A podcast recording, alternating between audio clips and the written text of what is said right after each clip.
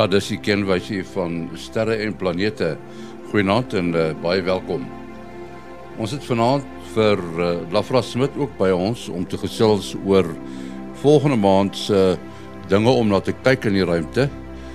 En uh, voortaan gaan hy elke laaste Sondag in die maand saam met ons gesels oor die dinge wat 'n mens kan dophou. Ons het ook vir uh, professor Mati Hofman en ook vir Willie Koorts.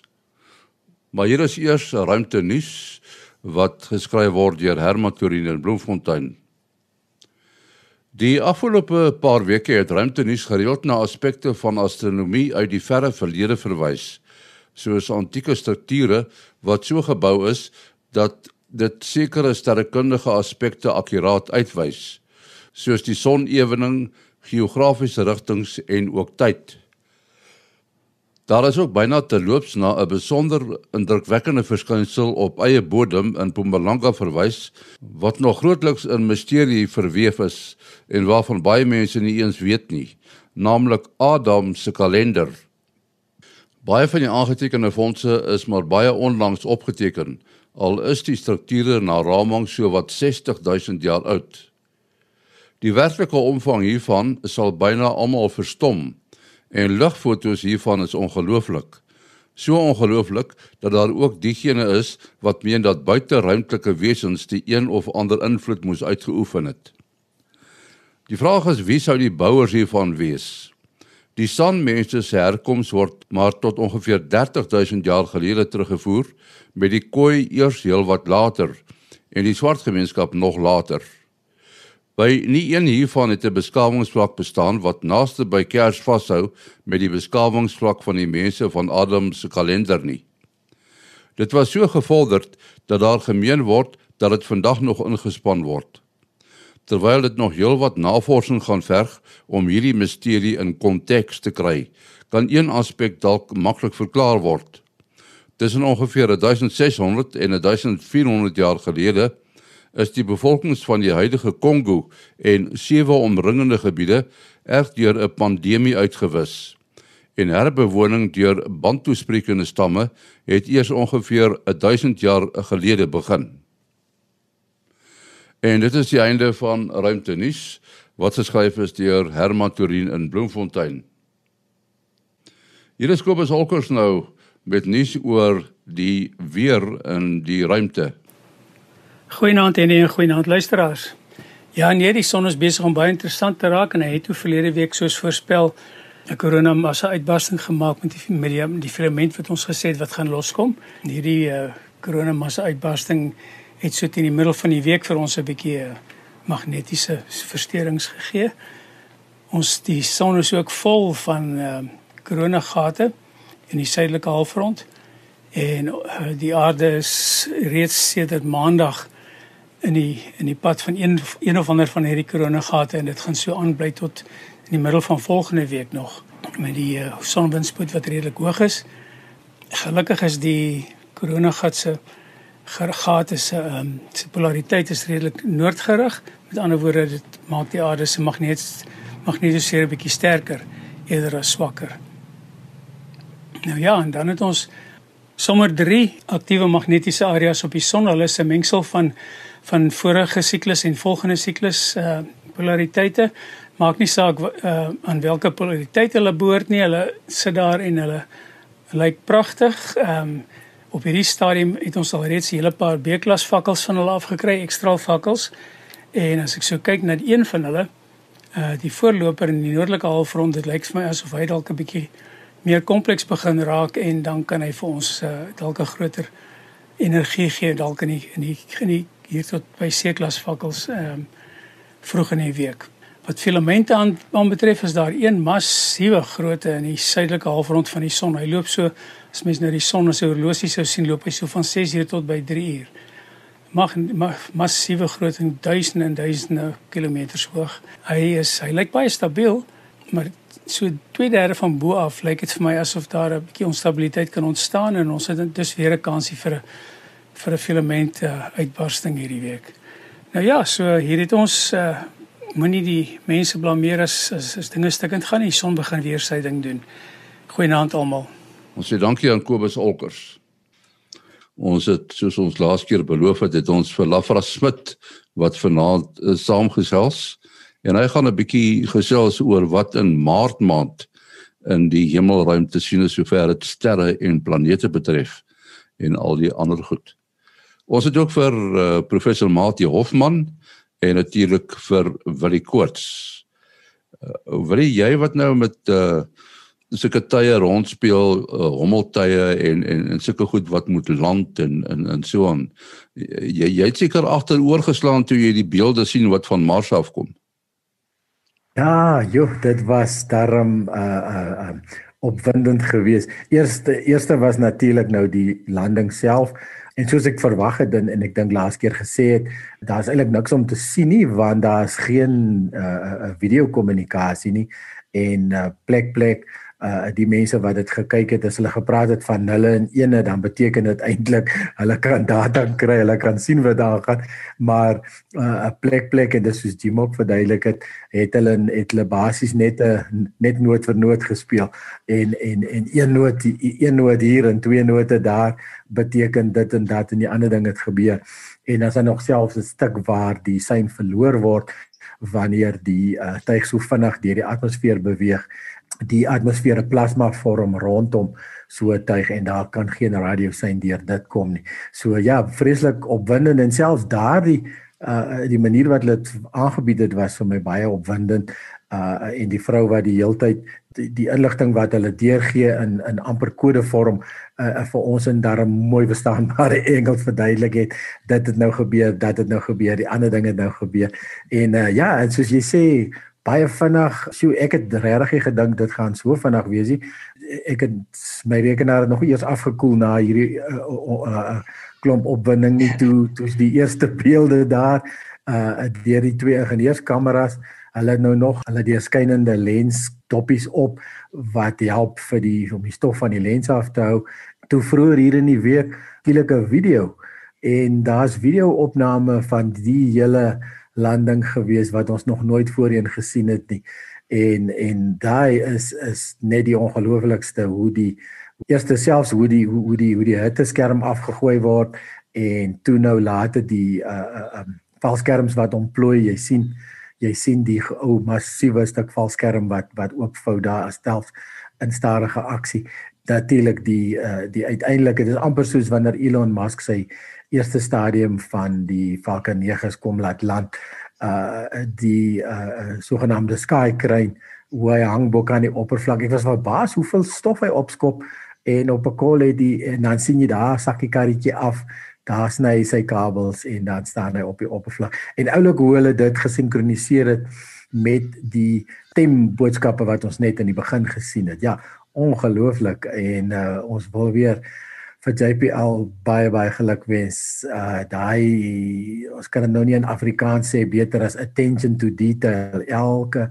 elke stappie is natuurlik honderde male oorgetoets en geweer getoets en ge en en alles is soos 'n geoliede masjien ge, ge, gewerk. En uh, selfs die die waar die radar begin die oppervlak herken waar hulle beplan het om te land en die dingetjie want hy onthou hy val nog op hierdie stadium, maar is nie vreeslik beheer nie, maar die be bewegings wat hy nog kan doen wat mik na die sogenaamde target area wat hulle kort 'n klomp keer van gepraat het. Hmm. En uh, ja, ongelooflik, ongelooflik uh opwindend geweest. Ek wonder wat is die tempo waarteen hulle data kan stuur om daardie hoë resolusie beelde dan op boonop video terug te kan stuur aarde toe want alles het baie vinnig gebeur.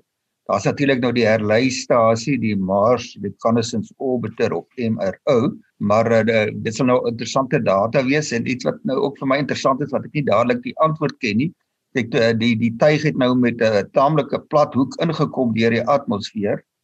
Ehm uh, maar dit is nie hoe hy uiteindelik land nie. So hy moet uiteindelik stil hang bo die uh uh oppervlak maar redelik naby aan die einde toe hy nou die video wys van uh ek ben ek dink hy het hierso op 'n stadium teen 100 meter per sekonde nog gedaal wat hy nou wys hoe uh die detail op Mars se oppervlak al duideliker en duideliker word en die kratertjies en klippe al groter en groter lyk, maar mens kon nog sien daar's taamlik laterale beweging tot naby die einde gewees. Met ander woorde hmm. wat hy dwars oor die oppervlak uh, beweeg het.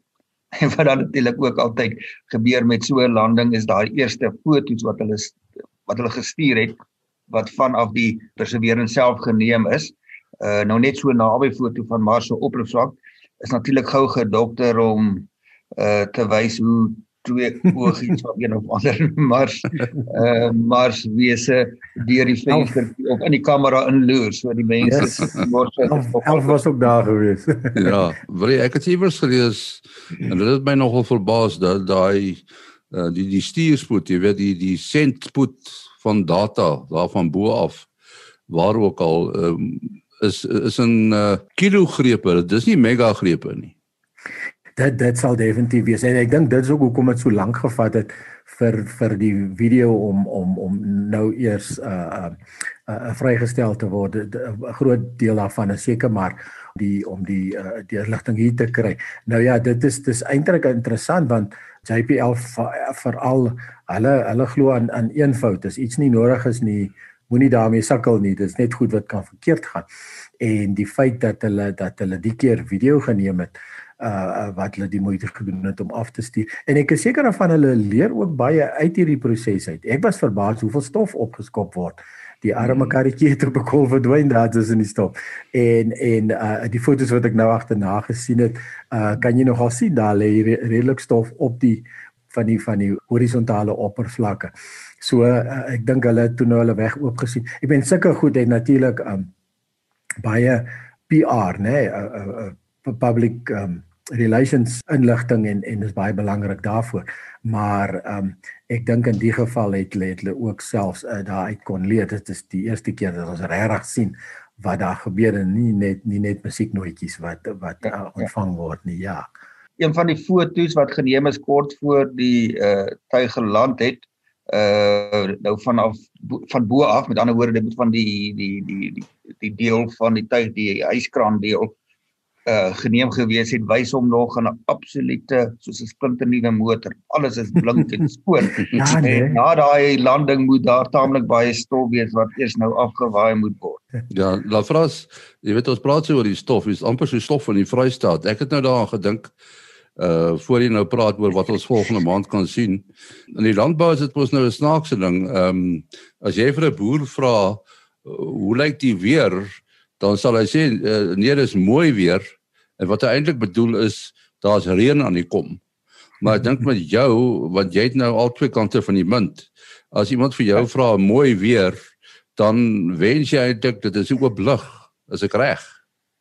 Ja nee, beslis sê nie. Um, ek is soos jy nou reg daar sê aan beide kante as dit as dit as ander mense kla, ooh, dis bewolk of dit reën, dan sê ek nee, dis wonderlik, wonderlik en as dit oop is dan sê ek ook nee, dis wonderlik. Nou kan ek lekker die sterre afneem en so, nee, ek ek smile al die pad. nou wat gaan ons volgende maand sien? Hierdie jaar was nou redelik stil tot dusver gewees. Ehm um, dan praat ek nie eers van die lang droogte van sons en maansverduisterings waarin ons tans is nie. Ek het vinnig vir interessantheid gaan kyk en uh Ons volgende algehele maansverduistering wat ons hier van Suid-Afrika kan sien, is eers op 16 Mei 2022. En uh, ons het 'n algehele sonsverduistering in November 2030 waar die maan se skade weer hier reg deur die Vrystaat gaan loop. Uh, ek hoop net ons leef nog want dit is nog 'n entjie om te gaan. Maar uh, in elk geval, nou ja, daar's altyd iets om te sien in die naghemel. Al is dit nou nie so so skouspelagtig soos 'n sonsverduistering of 'n maansverduistering nie. So kom ons kyk gou na Maart se hoogtepunte. Ons begin met Mars wat nog steeds vroeg aand in 'n noordwestelike rigting gesien kan word. Op die 4de sal Mars net bo die Pleiades of die sewe susters wees.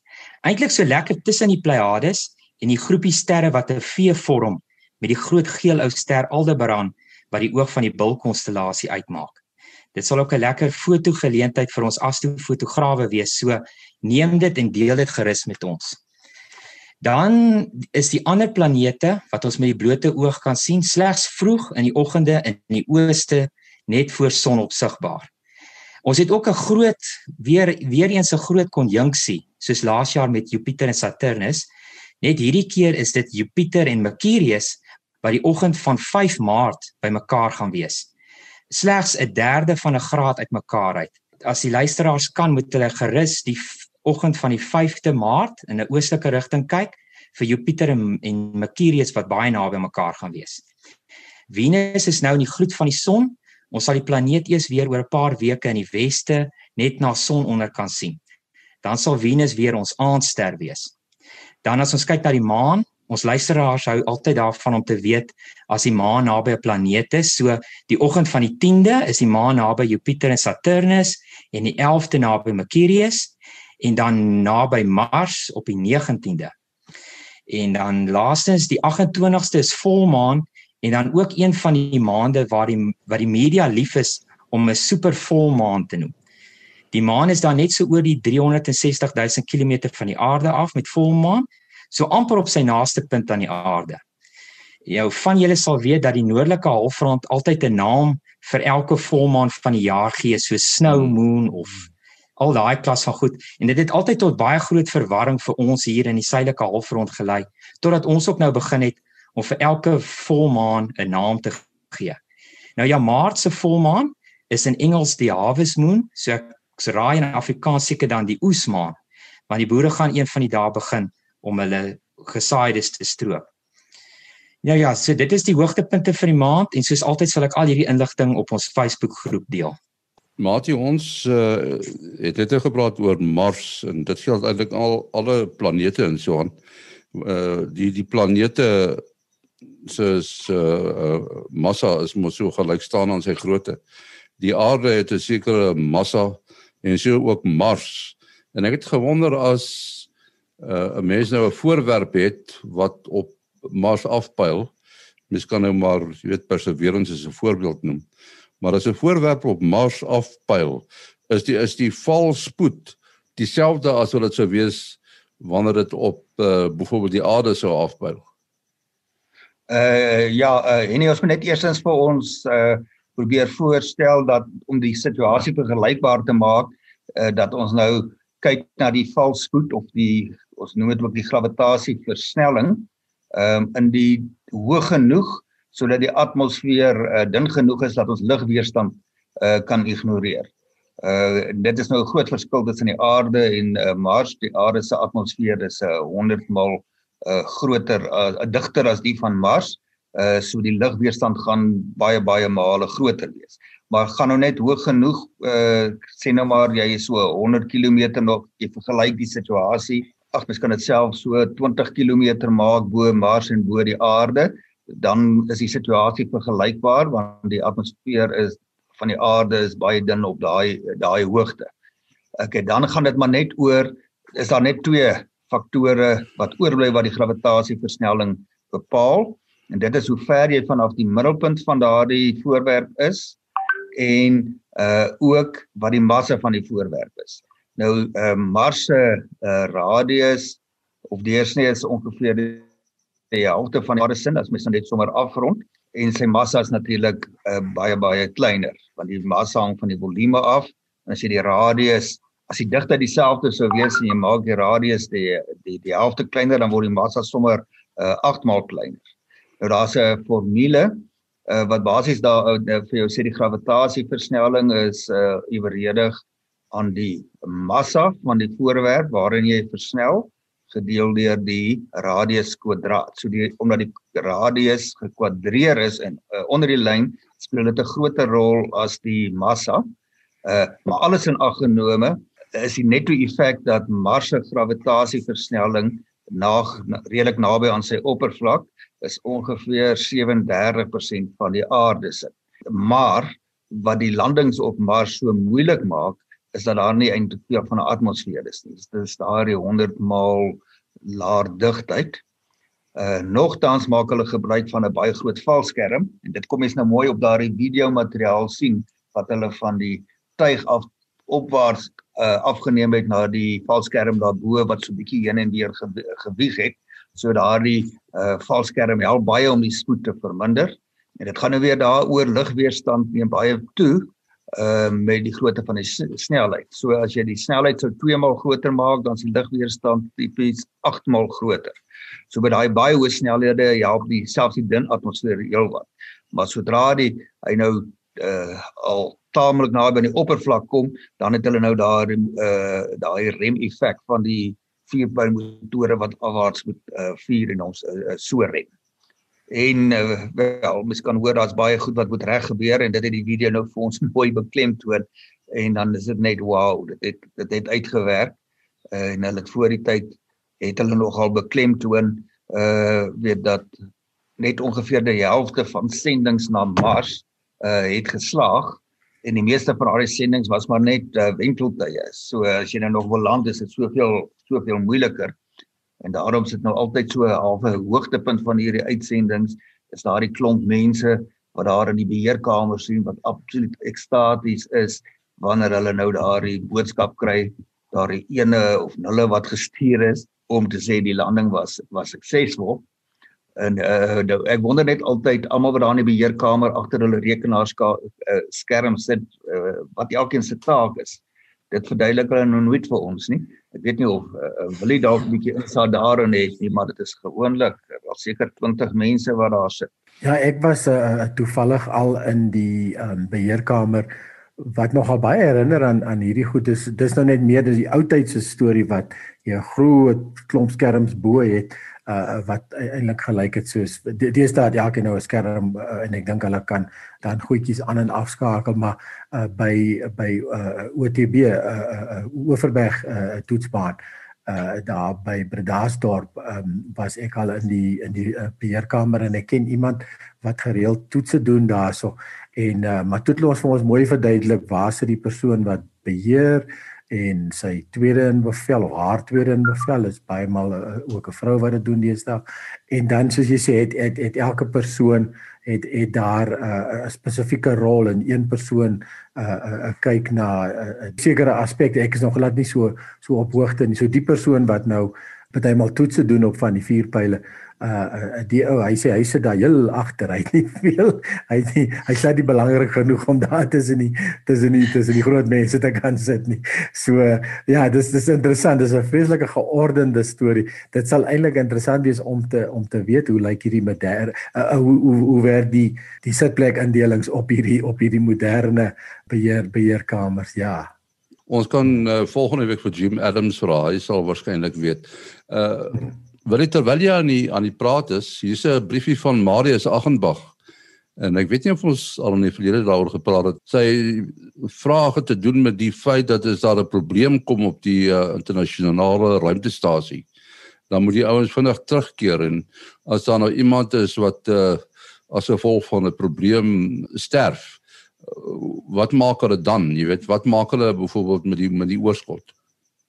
Ja, dit was ook al vir my nog al 'n baie interessante vraag. Ook ook iets wat ons miskien by Jim kan hoor of hy dalk weet alhoewel hulle hy was by JPL waar hulle eintlik die goed bou en nie en nie so meer die um die die die die operasionele uh, stelsels nie. Ja. Ja, so so Marius is is 'n goeie vraag hierso as daar enige moeilikheid kom. Ons het dit al ook 'n keer of wat genoem dat uh hulle maak altyd voorsiening dat aan die ruimte aan die ruimtestasie oom ek wil net hierso miskien hy hy het hierso die internasionale ruimtestasie het hy afgekort afgekort IRS die Afrik vir Afrikaansing van die ISS nou daar is wel 'n satelliet met die naam van IRS Greg Roberts het my eendag daarop gewys toe ek dit ook so gedoen het. So ja so die die daar's altyd 'n 'n 'n reddingsbootjie so so so 'n skip uh jy moet altyd seker maak daar's genoeg uh, reddingsbootjies vir vir vir die hoeveelheid passasiers aan boord en dit is dan presies wat hulle met die ruimtestasie doen. So die tuie waarmee hulle opkom soontoe, sal dit nou die Soyuz wees en dan deesdae met die Crew Dragon en seker een van die dae met Virgin Galactic se goeders ook.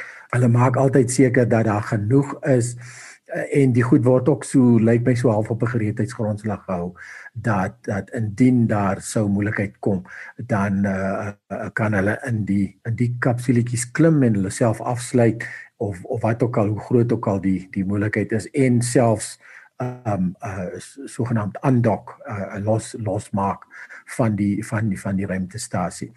Ja, die vraag oor oor oor as iemand te sterwe kom in die uh, ruimtestasie, wat maak jy met die lijk?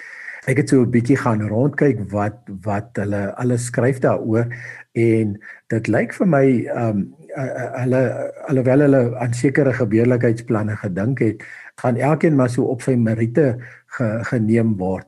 En ehm um, die die die groot probleem is natuurlik as 'n lijk begin ontbind in in so 'n geslote ruimte dan dan kry jy die verspreiding van siektes en so. So jy jy sal definitief moet die die uh, die die liggaam um uh, isoleer en en een van die maklikstes is dan om 'n ruimtepak te of op te offer eintlik dan en en die en die persoon in 'n ruimtetakpak toe te toe te sluit. Uh dan natuurlik nou, nou daarvan af op 'n manier sou afvoer. Um die die ander moontlikheid is natuurlik selfs om om so 'n persoon in die in die ruimte te begrawe tussen aanhalingstekens uh goed wat hulle van skepe af gedoen het in die in die ou tyd. Ek weet nie eers hoe maak hulle daar meer op skepe nie. Uh maar natuurlik dit's baie makliker die, die reise is nie meer so lank nie, maar in die geval is dit wel. En toe kom ek op 'n interessante stukkie af en dit is waar hulle reeds al beplanning gedoen het dat sou iemand sê op pad met 'n bemande reis na Mars tot sterwe kom um wat sal hulle met met so 'n persoon doen en um jy, jy kan natuurlik altyd so 'n 'n liggaam um net aan die buitekant van die ruimtetuig gaan gaan vasmaak jy sal natuurlik 'n ruimtewandeling moet doen en dan die die die die, vakuum van die ruimte sal on, onmiddellik die liggaam soort van vries droog en dan kan jy besluit om die die liggaam daar daar te los aan aan die buitekant uh, en en totdat jy nou uiteindelik 'n besluit gemaak het van van hoe om om om die persoon um, met 'n uh, met die no nodige respek te soort van begrawe in aanhalingstekens. Ja, so 'n baie interessante vraag met uh, uh met met 'n uh, met 'n uh, lyk my 'n klomp uit uiteenlopende antwoorde afhangende van die situasie. Ja, ons moet uh, ongelukkig afsluit. Uh Willie, wat is jou besonderhede? Ja, mense kan bel WhatsApp SMS 0724579208. 0724579208. Lafras? Uh Henie, hulle kan 'n e-pos stuur na lafras.smit@gmail.com. Dis lafras.smit@gmail.com. En dan Mati. 0836257154. 0836257154. En dan die program se e-posadres is sterreplanete@gmail.com. sterreplanete@gmail.com. Volgende week is ons terug. Tot dan, alles van die beste.